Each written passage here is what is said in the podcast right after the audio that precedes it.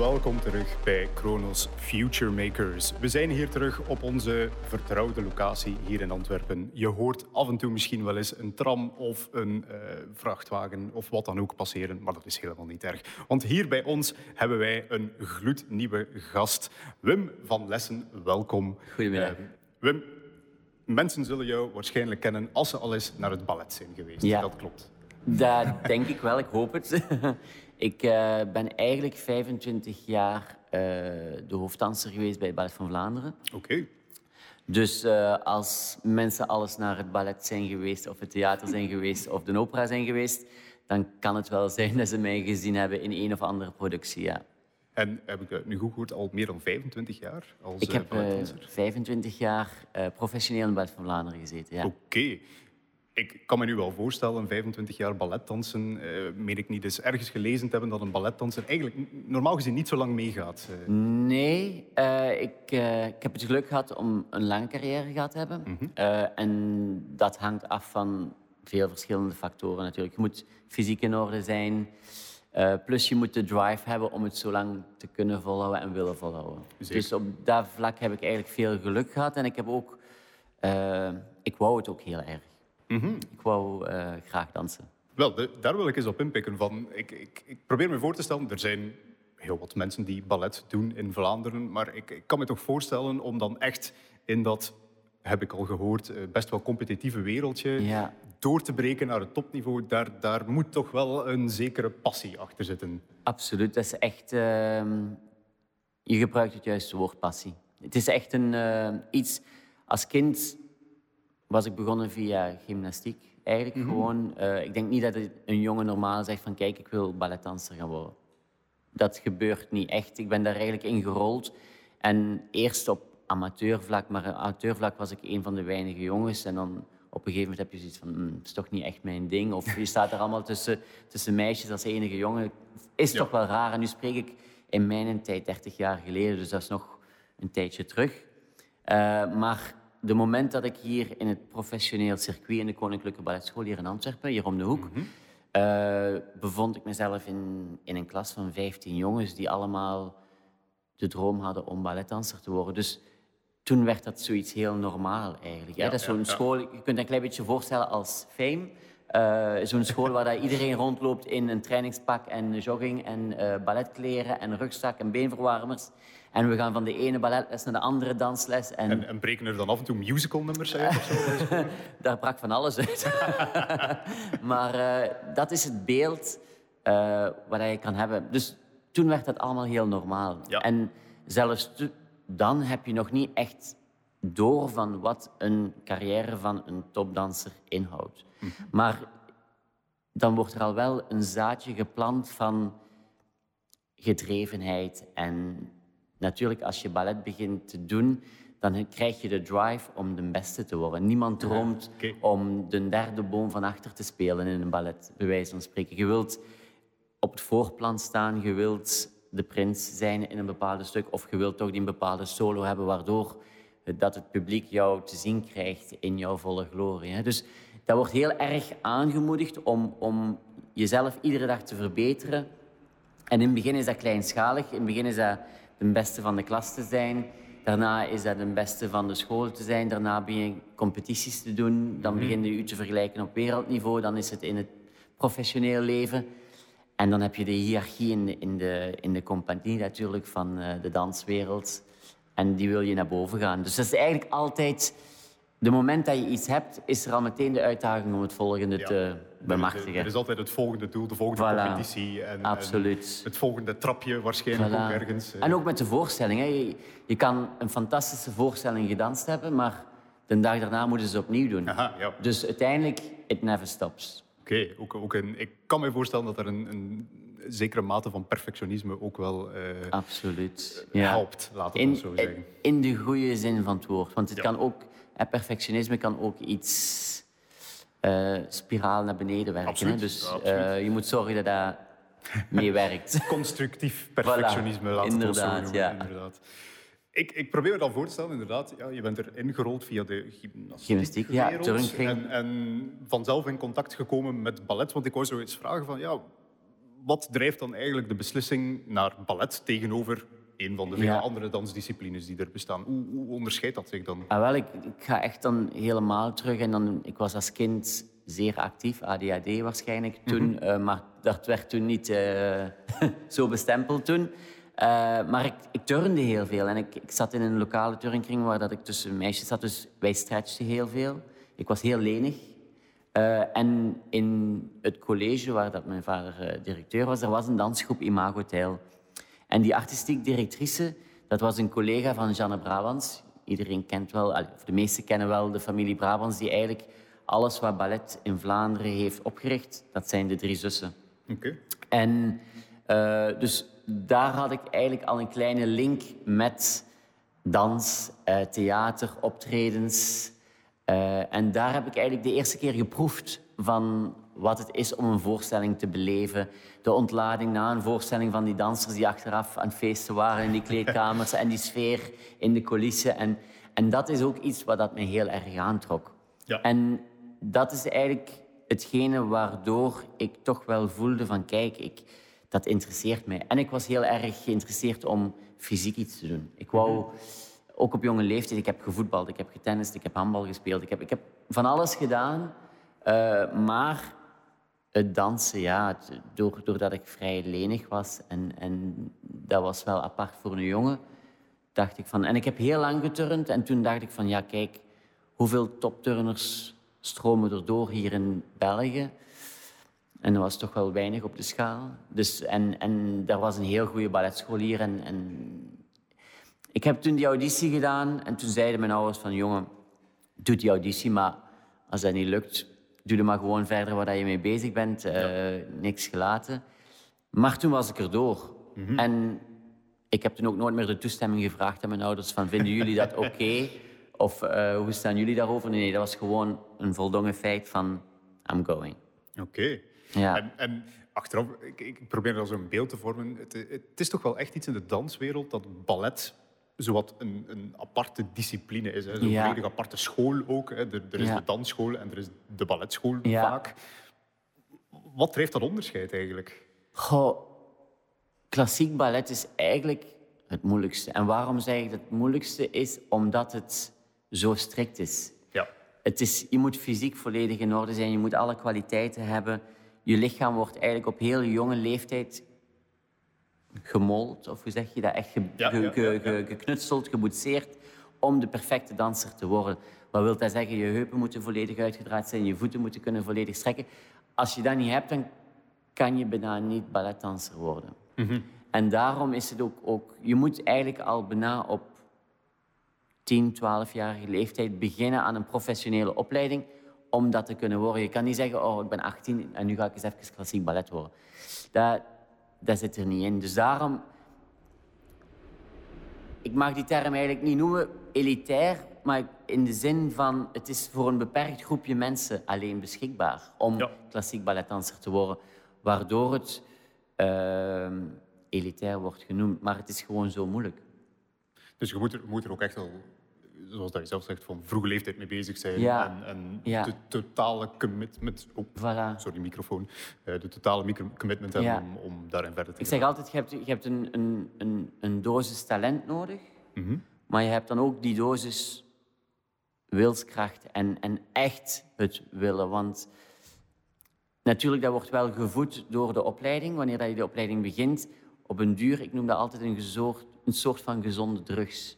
Het moment dat je eraan begonnen bent, je wilt dat niet meer loslaten. Ja. Je wilt altijd maar meer, je wilt altijd maar beter worden. En je wilt ook niet falen. Je wilt ook niet van die school af. Je ziet ook aan die kinderen die aan die balletschool beginnen en die in het vierde middelbaar en die beginnen te beseffen van oh shit, weet je wel, mijn lichaam gaat niet mee of het is toch niet iets dat echt eh, voor mij weggelegd is. Nog iemand wiens lichaam niet meedoet, blijkbaar. Want hier passeert de ambulance. Twee ambulances. Voilà, dat gebeurt natuurlijk in Centrum Antwerpen. Dat eh, moeten we niet Dus dat, dan kom je eigenlijk al op jonge leeftijd in contact met het feit van dat je niet goed genoeg bent voor die... En dat is heel pijnlijk. Dus je, je wilt alleen maar beter worden en die carrière vastpakken. Ja. En als we dan echt kijken, van, jij bent onder andere verkozen tot European Dancer of the Year, als ik het correct Ja. begrepen heb. Was het in 2019? Heb ik mijn research goed gedaan? Ja, ja, ja, dat klopt, dat klopt. Oké, voilà. jaartallen zijn niet mijn specialiteit, Ja. dus ik, was al, eh, ik had al schrik. Ja, je zegt het zelf, je bent daar dan met 15 jongens die natuurlijk allemaal eh, top balletdanser willen gaan worden. Mhm. Wat is dan nog zo de missing spark, denk je, tussen, tussen waar dan jij dan uiteindelijk beland bent? Ik vermoed dat er ook een aantal halverwege hebben gezegd van Ja. ik ga iets anders gaan doen. Ja. Wat, wat, is, wat is het talent? Is het doorzettingsvermogen? Waar, Ah, wel, ik denk dat het een combinatie is van de twee. Ik denk dat je heel veel talent moet hebben, Ja. sowieso.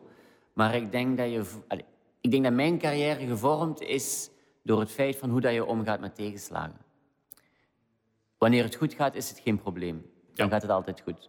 Maar het is de moment wanneer dat je een blessure krijgt, eh, wanneer dat niet de juiste rollen komen, wanneer dat er de interne politiek van een organisatie niet altijd gesmeerd loopt, eh, wanneer dat er een choreograaf binnenkomt die eigenlijk niet met jou wilt werken, maar hoe kun je dat dan toch afdwingen dat ze jou kiezen om die rol te dansen? Ja, ja, ja. Ik denk dat dat de dingen zijn waardoor dat je carrière echt bepaald wordt. Mhm. en, en niet loslaten. Ik, ben, ik denk dat ik...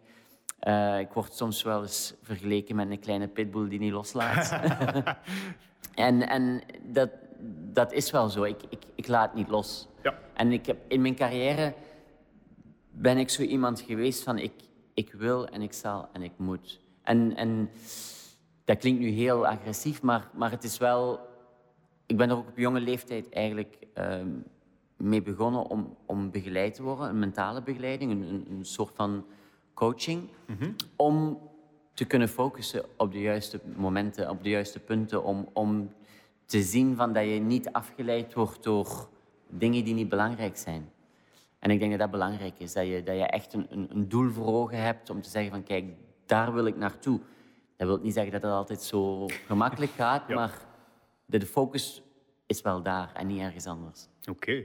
Nu, ik, ik denk, dus, dus in eerste instantie, dit is zo een podcast met als voornaamste doelpubliek ondernemers. Hè, die Ja. zullen zich misschien eerst afgevraagd hebben van hm, wat gaat een balletdanser over ondernemen vertellen. Maar ik, ik denk tegelijkertijd al, als die nu luisteren naar jouw verhaal en wat jou drijft om, mogen we het gerust zeggen, topsport te gaan Ja. doen. Ik denk, denk topballet is topsport. eh, dat, er, dat er veel gelijkaardigheden in zitten. Hè? Heel veel. Ik heb eh, vooral de laatste jaren eh, in mijn carrière heb ik eh, lezingen gegeven en ben ik ook in contact gekomen om een point of view van iemand die topsport doet of die prestatiegedreven is, om, om in contact te komen met ondernemers. Wat zijn daar de raakpunten van? En eigenlijk, ik ben mij een ondernemer geweest van mijn lichaam. Ja, ja. En, en dat is iets wat mensen vaak onderschatten. Ik, ik ben degene die mijn lichaam moet zorgen dat wanneer er een voorstelling is op die datum, moet presteren op die datum. En hoe doe je dat? Ja. Want mensen zeggen van, oké, een film, je neemt dat op en je kunt die 5000 keer afdraaien en dat gaat altijd dezelfde film zijn. Maar bij een live performance is het altijd live. En hoeveel controle kan je eigenlijk hebben over je lichaam? Je, kan, je kan vier maanden repeteren, trainen om een voorstelling te dansen en die techniek onder controle te krijgen en te trainen. Maar het is juist op die première dat je de perfecte voorstelling moet doen. Ja. En hoe doe je dat? Oké. En ik vind dat heel interessant. En dat is iets wat, wat met de leeftijd komt en ervaring komt. En, en dat kan je vergelijken bij topsport. Hè. Ze, ze, ze, ze, ze trainen vier jaar voor de Olympische Spelen en dan ga je juist zien dat in de finale ze een valse start maken. En dan is het van, allee, hoe kan dat nu? Je hebt vier jaar getraind om zo snel mogelijk over die streep te komen en dan heb je een valse start. Ja. En dat is een ondernemingschap van uw lichaam, mentaal ondernemingschap, om de juiste prestatie te verrichten op die moment, op die dag, op dat uur. En dat is, wel, dat is wel interessant, vind ik. Ja, dat, eh, dat klinkt inderdaad heel relevant. Ja. Ja. ik, ik, Want een, een allereerste gedachte, hè, je zou denken van lezingen voor bedrijven. Ik had het ook gezien op jouw, jouw Ja. website. Van, ik ga ervan uit dat die mensen niet willen leren hoe dat je de perfecte plié of zo tegen gaat, gaat doen. nee, en ook, ook wat dat interessant is voor een ondernemerschap, van hoe kan je je personeel, eh, hoe moet ik dat zeggen, hoe kan je je personeel eh, boeien, hoop geven zonder eigenlijk weinig terug te geven. Bij ons, hè, bij Ballet van Vlaanderen, je bent daar een danser. Uh, dat zijn allemaal jonge, ambitieuze mensen, maar je kan alleen maar als organisatie zoveel geven. Ja. het zijn, wij hebben geen weddens gelijk voetballers of gelijk uh, andere NFL-spelers of basketbalspelers van de NBA of zo.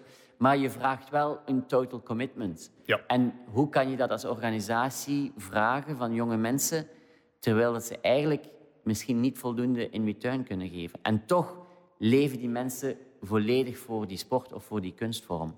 En ik vind dat wel interessant. Dus mijn ding is, je moet ze hoop geven. Op het moment dat jij je personeel in dit, gezin, in dit geval, uh, de moment dat mensen hoop hebben tot vooruitgang, denk ik dat dat een belangrijke factor is. Oké. We hadden het er met onze vorige gast dan ook al over. De aanvoerster van het Belgische basketbalteam. Ja. Uh, over, over een beetje het verschil tussen wat een sporter, een mhm. individuele top, topsporter en een groepstopsporter te bieden heeft.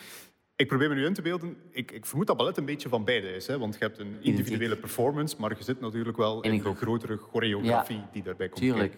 Ah, wel is heel interessant. Uiteindelijk is het me, myself en I als danser. Mm ik, ik ben 30 jaar alleen maar bezig geweest met mijn eigen. Tot het vermoeiende toe. je, je zit iedere dag bezig met je lichaam te verbeteren. Om, om beter te kunnen dansen, om hoog te springen, om meer pirouetten te draaien. Om alleen maar met je eigen, om, om fysiek in orde te zijn. Fitnessen, trainen, revalideren. Uh, mental coaching. Uh, in functie naar een voorstelling toe. Op tournee. Uh, altijd in functie van. Maar inderdaad, je zit in een groep. Hè, bij, bij mij was het Ballet van Vlaanderen en daar zit je met 50 dansers. En natuurlijk, jij kan zo goed dansen als dat je wil, maar als de rest niet op niveau zit, dan gaat de prestatie ook naar beneden. Dus uiteindelijk is het een groepsevenement. Maar iedereen is wel bezig op zijn eigen. Ik, ik denk dat het standpunt van jullie choreogra choreograaf dan ook best interessant zou kunnen zijn. van hoe manage je een groep uh, prima donna's om ja. toch collectief uh, naar voren te kunnen laten stromen? Ik heb... Uh, op het einde van mijn carrière, dus eh, de laatste vijf jaar, hebben wij een, een nieuwe manager gehad, Lena de Meerleer. Mhm. En zij was de directrice van de VRT op een bepaald moment. En zij is dan overgestapt naar opera ballet. En zij had er eigenlijk weinig ervaring mee op dat vlak. Maar zij was perfect in people management. Die om kan gaan met ego's. en die een boodschap, een negatieve boodschap op een goede manier kan overbrengen. Waardoor jij zegt, oké, ik krijg niet wat ik wil maar ik snap het. Ja. En dan besef je pas van hoe belangrijk het is om een goede manager in huis te hebben die om kan gaan met ego's. Want als je het op de juiste manier aanbrengt, uh, dan is veel mogelijk. Kan ik, uh, kan ik zeker begrijpen. Nu, Wim, voor de mensen die uh, op de video aan het kijken zijn, het is hen misschien ook al opgevallen dat daar een aantal boeken liggen met jouw naam erop. Ja. Uh, en de titel Dancer doet misschien ook wel vermoeden dat het iets biografisch is. Ja, ah, wel.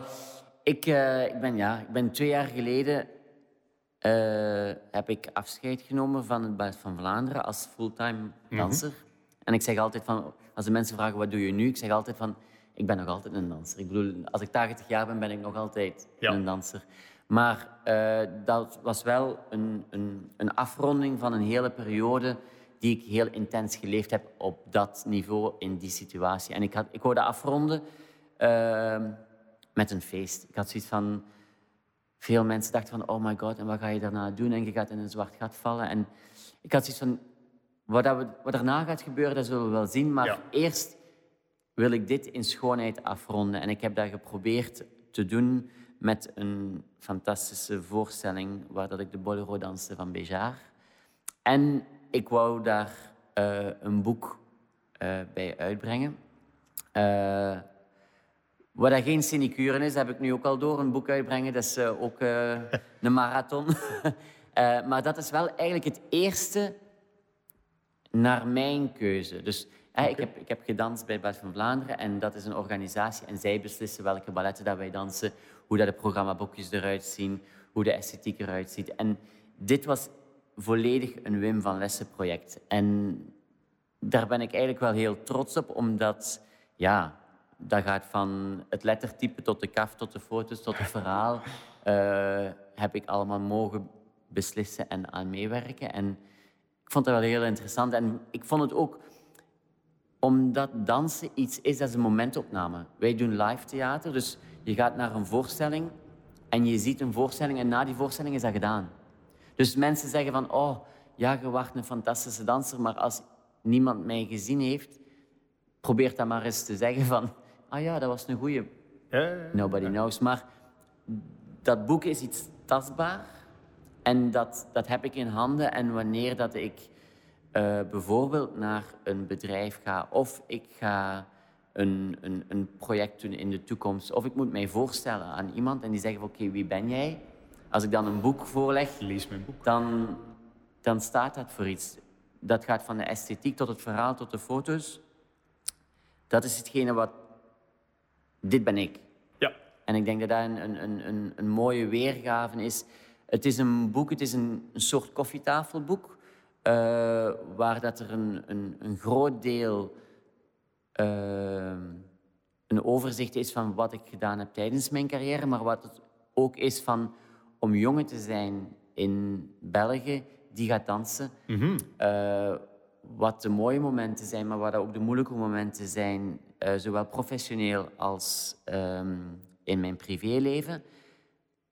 En dat geeft echt wel een inkijk, omdat ik toch zoiets heb van in Vlaanderen, in België, we hebben een zwemmer gehad, we hebben tennissers gehad, waar we allemaal een gezicht op kunnen plakken. Maar ik vond het belangrijk, of ik vind het belangrijk, dat we dat met dans ook gaan doen. En natuurlijk zou ik graag hebben dat ik dat ben. dus als ik daar uh, aan kan werken om, om een, een image of een soort van branding daar rond te brengen, wat de volgende generaties een platform gaat creëren dat alleen maar een meerwaarde kan zijn. En, en dat is iets wat mij heel erg interesseert om, om dat naar een volgend niveau te brengen. Omdat ik denk dat het de dag van vandaag waar dat we in leven, daar draait het om. Ik zeg altijd, als de Kardashians zo'n imperium kunnen opbouwen zonder eigenlijk echt een groot talent te hebben, als ik dat mag zeggen, dan kan iemand die echt iets kan, ik zeg maar een, een muzikant of een, een acteur of, of, een danser of een ondernemer, dan moeten die toch ook een platform kunnen krijgen om dat te verkopen. Dus ik heb zoiets van, daar moeten we aan werken. All right. En Zeg eens, wie, wie, voorzie, wie zie je voor u, wie moet dit boek lezen? Ik kan, ik kan me voorstellen dat uh, de jonge balletdansers die nu bezig zijn en, en, dromen en twijfelen over een carrière in de ballet, dat dit een beetje het standaard naslagwerk wordt. Dat, dat boek dat kan eigenlijk van alles zijn. Eerst en vooral heb ik uh, besloten om het in het Engels te doen. Mm -hmm. Omdat ik vond dat dat een wereldtaal is. En dat moet ook in Amerika kunnen rondgedeeld worden.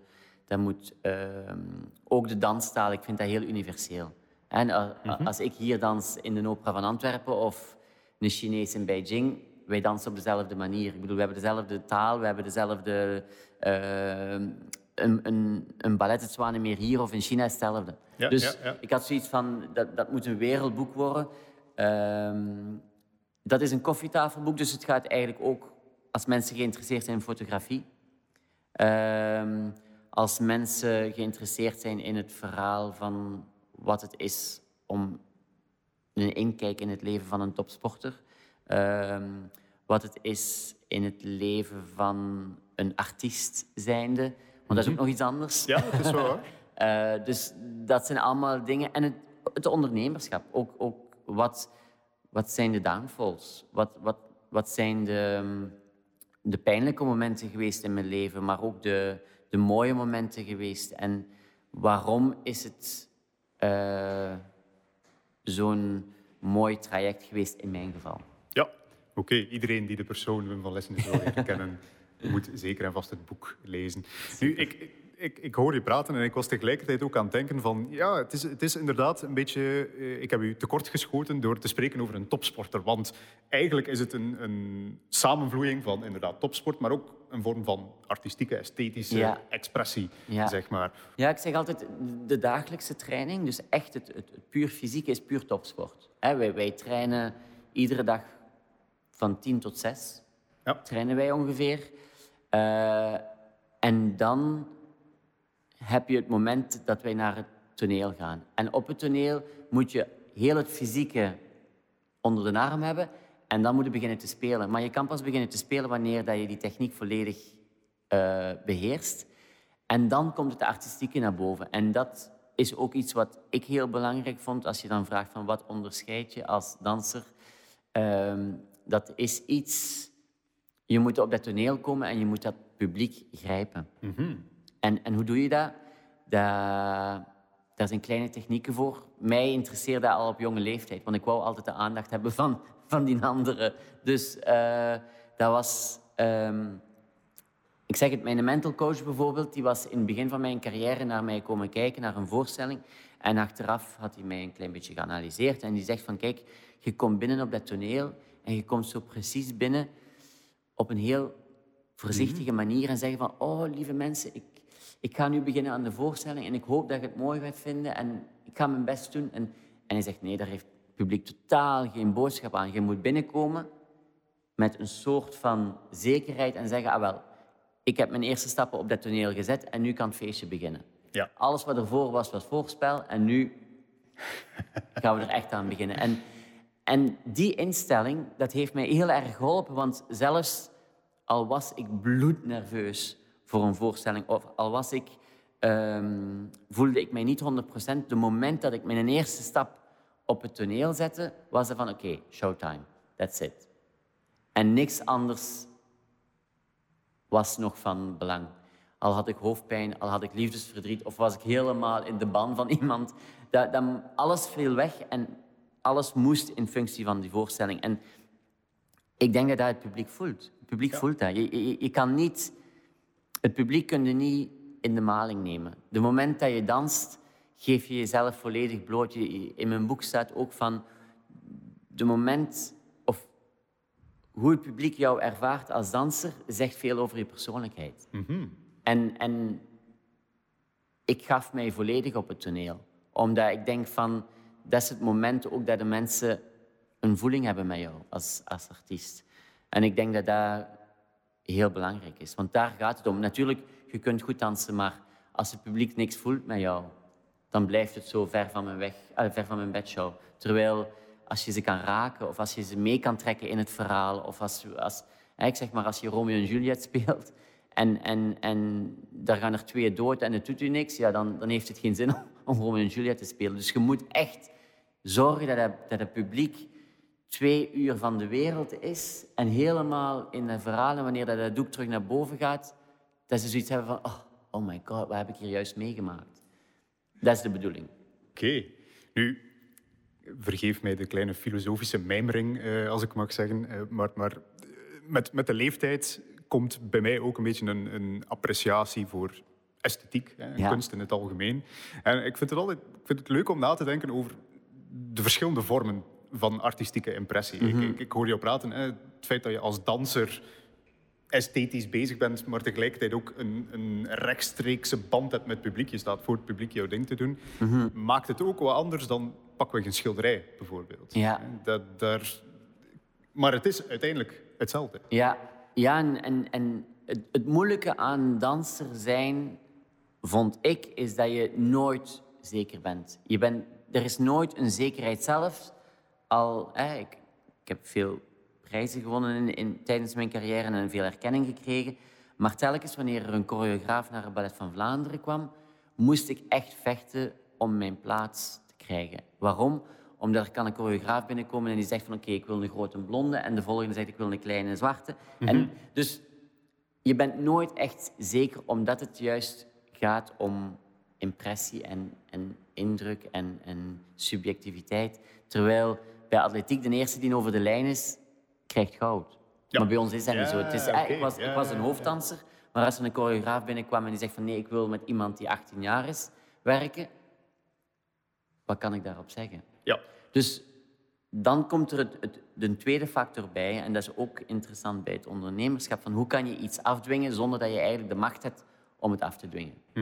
Ja, want Dus als iemand binnenkomt en ik voel meteen van, oh shit, die wil eigenlijk de andere pakken, wat ga ik dan kunnen doen om toch zijn mindset te veranderen om voor mij te kiezen.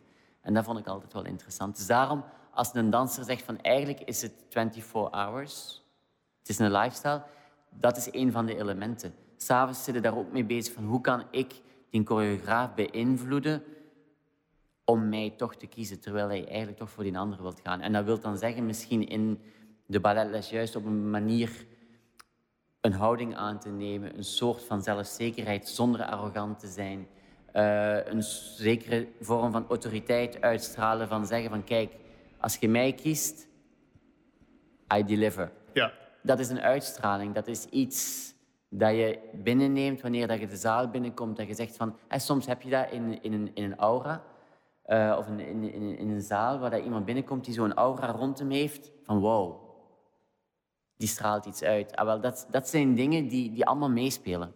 Oké.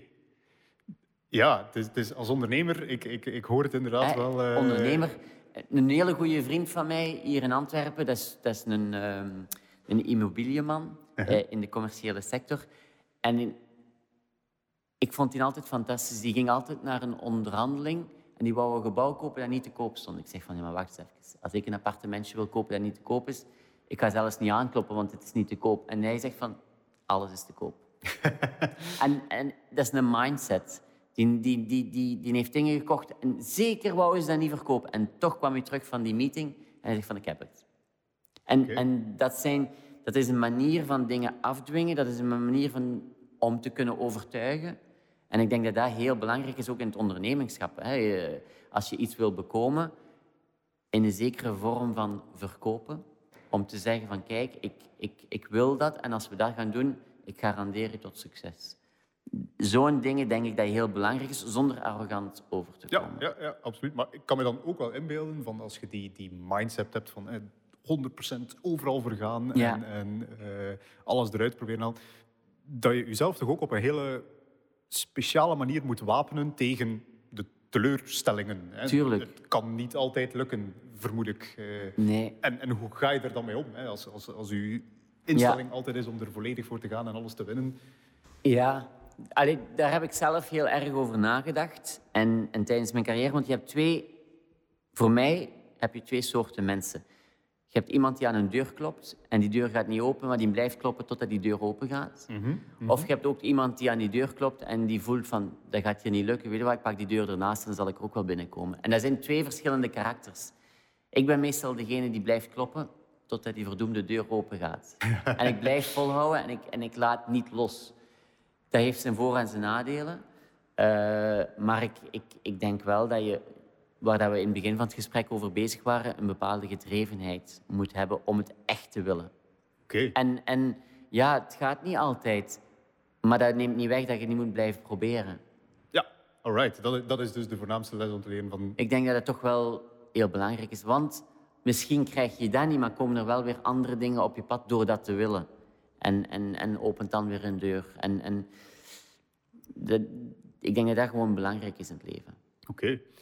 Nu, uh, we hebben nu al in, in algemeen gepraat hè, over Ja. hoe het leven van een, een topsporter te relateren valt aan een ondernemer en welke lessen dat wij daaruit kunnen trekken. Maar jij bent nu ook zelf op een heel directe manier op zoek naar een Ja. nieuw punt in uw leven. Hè? Dus uw, uw Ja. balletcarrière, professioneel Ja. balletcarrière afgesloten. What's next for Wim? hè?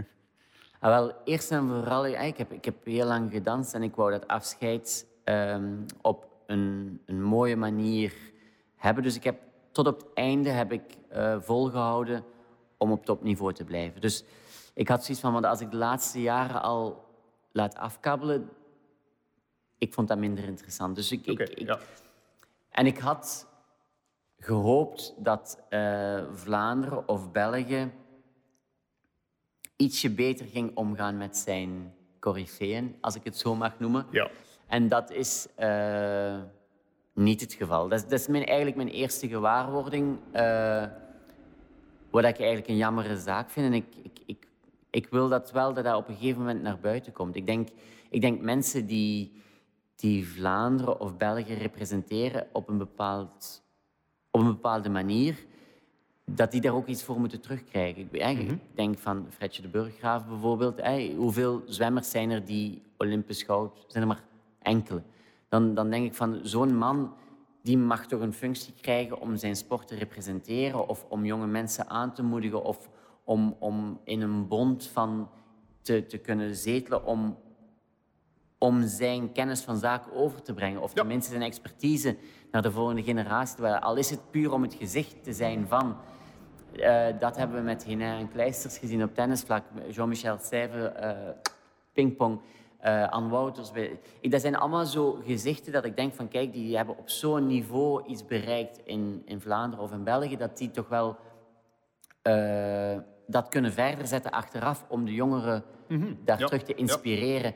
En ik zou heel graag zoiets willen doen in Vlaanderen, maar Vlaanderen moet mij dan ook de kans geven om dat te kunnen doen. En Cultuur ik in merk nu, het, is, uh, het is een moeilijk gegeven soms ja, inderdaad. Ik, ik, ik, ben vijf jaar geleden krijg ik daar de medaille van ik word geridderd voor mijn bijdrage op cultureel vlak.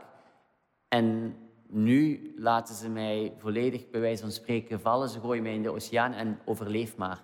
En dat vind ik heel raar van Vlaanderen. En ik vind dat een klein beetje een, een foute instelling van de politiek. En daaraan zie je dat politiek niet echt bezig is met waar het om draait. Mhm. het, het, blijft een politiek spel. En als je in de juiste vaarwater zit, uh, is het oké, maar anders. En ik denk dat dat iets is wat uh, mij heel erg uh, is opgevallen. En nu ben ik inderdaad aan het kijken van oké, okay, wat zijn, what's next? Ik, ik zou natuurlijk dolgraag mijn ervaring, mijn expertise uh, inzetten om mijn kunstvorm een beter platform te creëren of te geven.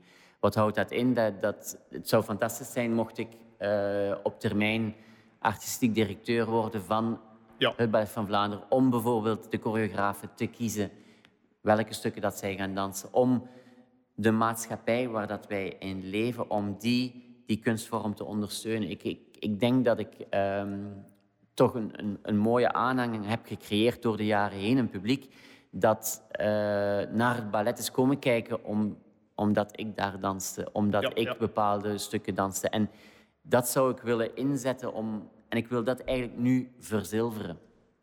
En dat is iets dat me bezighoudt, maar ondertussen moet ik ook wel uh, overleven en intuïtief zijn en, en op ontdekkingsreis gaan van kijk, wat is de weg daar naartoe om dat te bereiken. Ja. En dat is, is interessant. Ik moet eerlijk zeggen, het is, uh, het is boeiend omdat ik eh, andere mensen tegenkom en, en terug opportuniteiten moet creëren, maar het is ook wel uh, spannend en soms angstaanjagend, omdat ik, ik heb zo lang in een keurschijf gezeten. En nu is dat in één keer de wijde wereld en zoek het maar uit. Ja.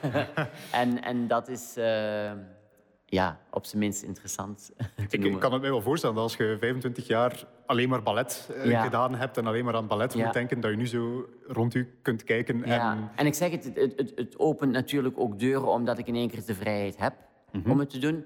Maar het is voor mij wel heel belangrijk om nu met de juiste mensen in contact te komen om mijn volgende doel te bereiken. Ja, ik, uh, een van die mensen waarmee je in contact gekomen bent, is, uh, is onze grote baas hè, van Kronos. Ja. Uh, en die had u, u, naar ons doorverwezen met de boodschap van ja, dat is een, een interessante mens, daar moet je een keer mee ah, wel, ik, ik, heb, ik ben in contact gekomen met de groep en, en de mensen in, in kwestie.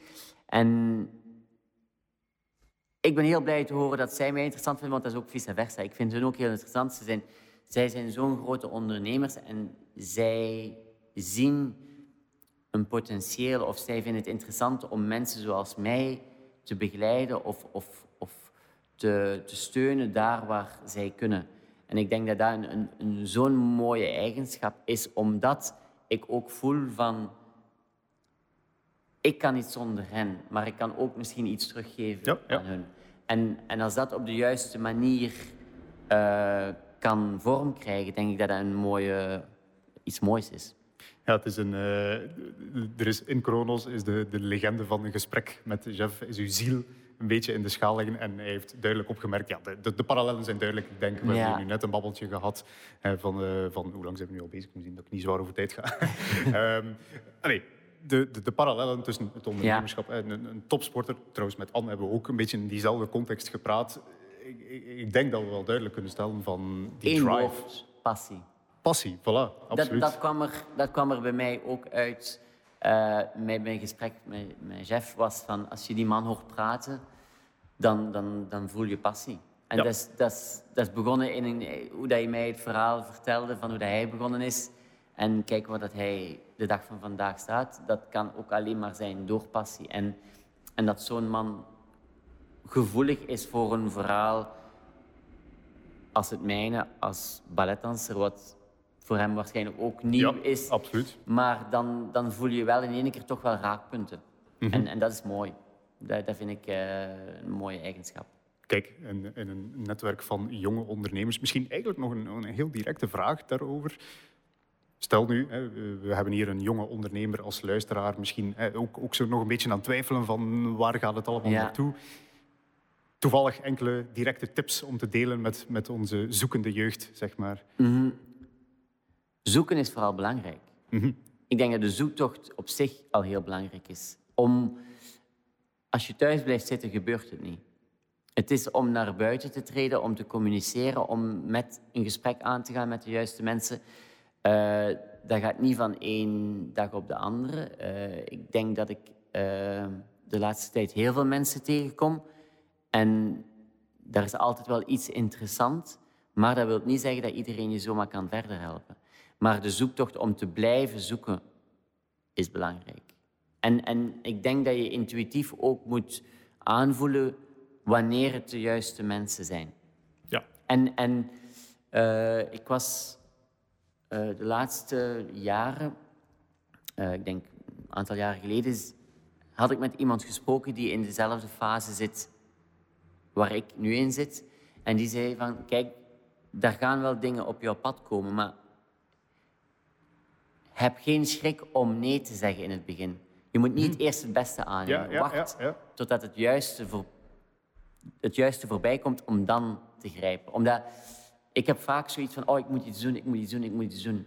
En, en omdat ik ook zo ingesteld ben door mijn carrière van, ik moet productief zijn. Maar ik moet nu gewoon selectief zijn om te zeggen van, kijk, dat is hetgene wat ik moet pakken. Omdat dat hetgene is wat ik, mijn traject gaat vooruit helpen. En dat is voor mij een oefening die, die, die belangrijk is. Dus, dus er, om, om, om met de juiste mensen in zee te gaan, om het juiste project aan te nemen en niet het eerste het beste dat voorbij komt. Ja. Ik denk dat dat belangrijk is. En, en laten we zeggen, op een iets meer levensbeschouwelijk niveau kan ik me nu ook wel voorstellen. Ik hoor jou praten, ballet als obsessie, hè, dus, dus Ja. echt alles centraal, er helemaal voor gaan. Zijn er nu terug momenten om ja. het leven nog te gaan Ja, ontdekken? ja, Of, eh, absoluut. En ik bedoel, mijn leven op zich is... is hè, daarvoor was dat fulltime ballet. En, en, maar ik zeg het, als, als mensen vragen... En, want in het begin had ik ook zo een vraag dat ik naar mezelf stelde. Van, wie ben ik nu eigenlijk? Want hè, als mensen mij vroegen, vroegen wie, eh, wie ben je? Dan zeg ik, oké, ik ben balletdanser. Hè, en vraag ze, waar dansen ballet van? Dat was allemaal zo heel gemakkelijk om dat te zeggen. En nu denk ik zoiets van, oké...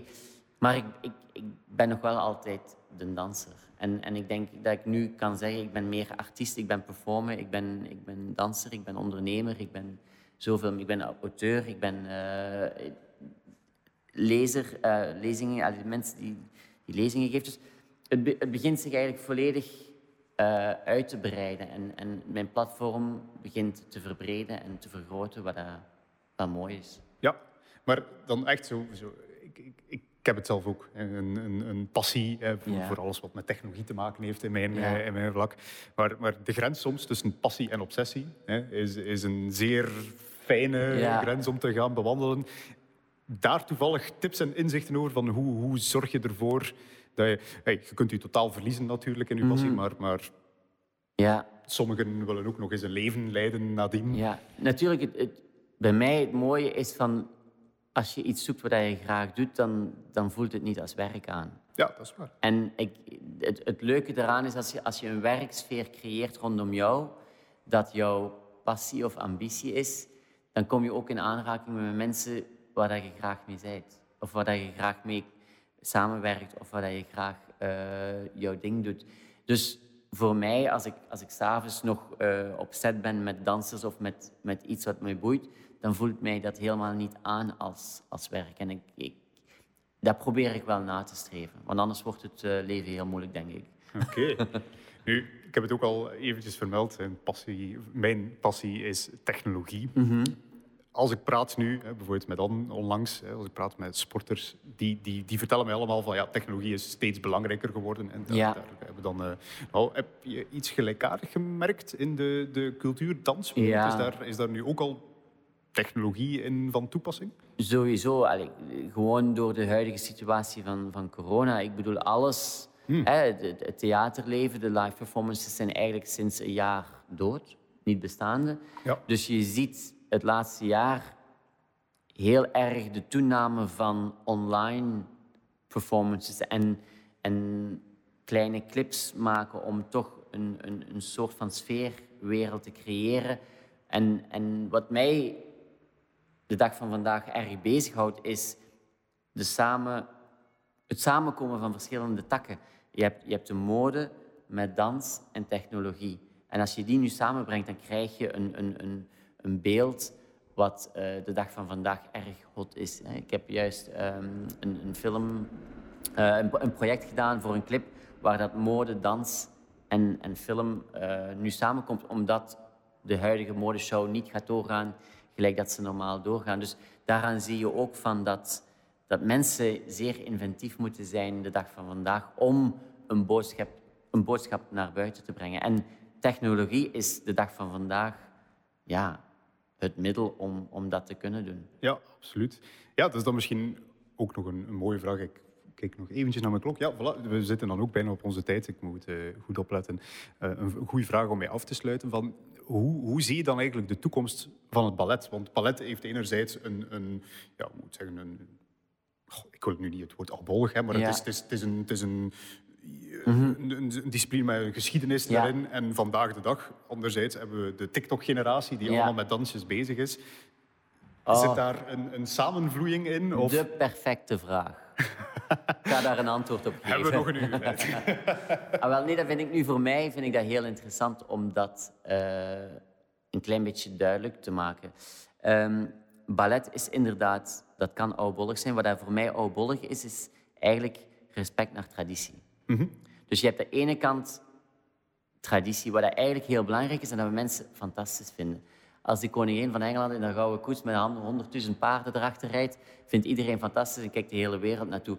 Dat is één aspect. Ja. En, en dat is iets moois. Maar dat wil niet zeggen dat je daarbij moet blijven. Je moet vernieuwend zijn. Dus, maar je mag niet het respect naar traditie verliezen, want dan zijn de fundamenten weg. Dus ik heb altijd zoiets van, een zwanenmeer zal altijd blijven bestaan. En, en als je dat kan brengen, zal de mensen altijd blijven boeien. Maar je moet ook plaats creëren om te vernieuwen. ja. En dat kan je, als ik, heel kort door de bocht, een kunstenaar, een schilder, als je een schone Rubens kunt schilderen. Maar dat wil niet zeggen dat een Picasso geen plaats heeft om te bestaan. Maar je moet de twee kunnen brengen. En ik denk als je het hele palet kan brengen van een klassiek ballet tot een hedendaags modern ballet, dat kan alleen maar een meerwaarde zijn als je de volledige waaier kan bieden aan een publiek. Oké. En dat denk ik dat de sterkte is. Maar dat is juist het moeilijke, omdat veel mensen dat niet kunnen. Vaak zijn de mensen goed in één departement. Ofwel doen ze alleen maar klassiek ballet, of ze doen alleen maar hedendaagse dans. Maar kan jij het volledige brengen, ja, dan ben je uniek. En dat is hetgene wat ik denk de taak is de dag van vandaag van grote balletgezelschappen, is respect naar traditie en plaats creëren om vernieuwing.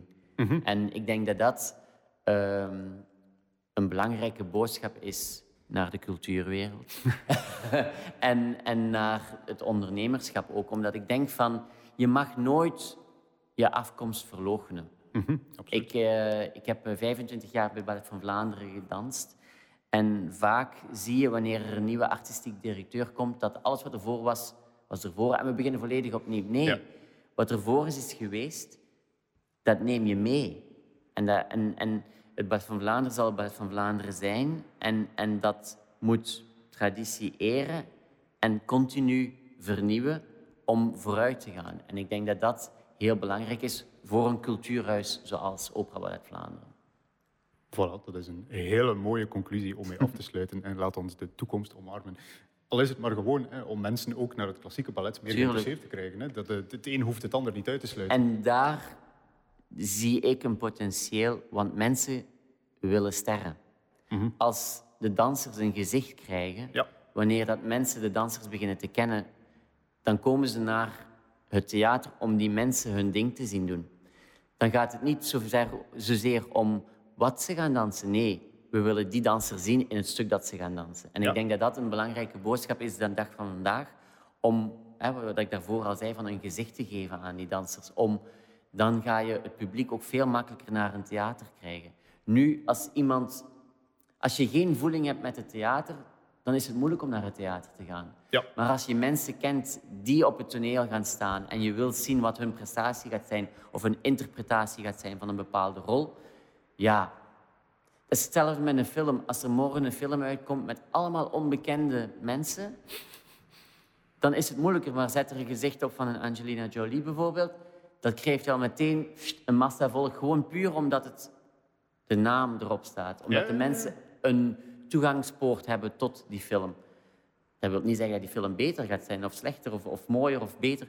Het is gewoon, het is toegankelijker.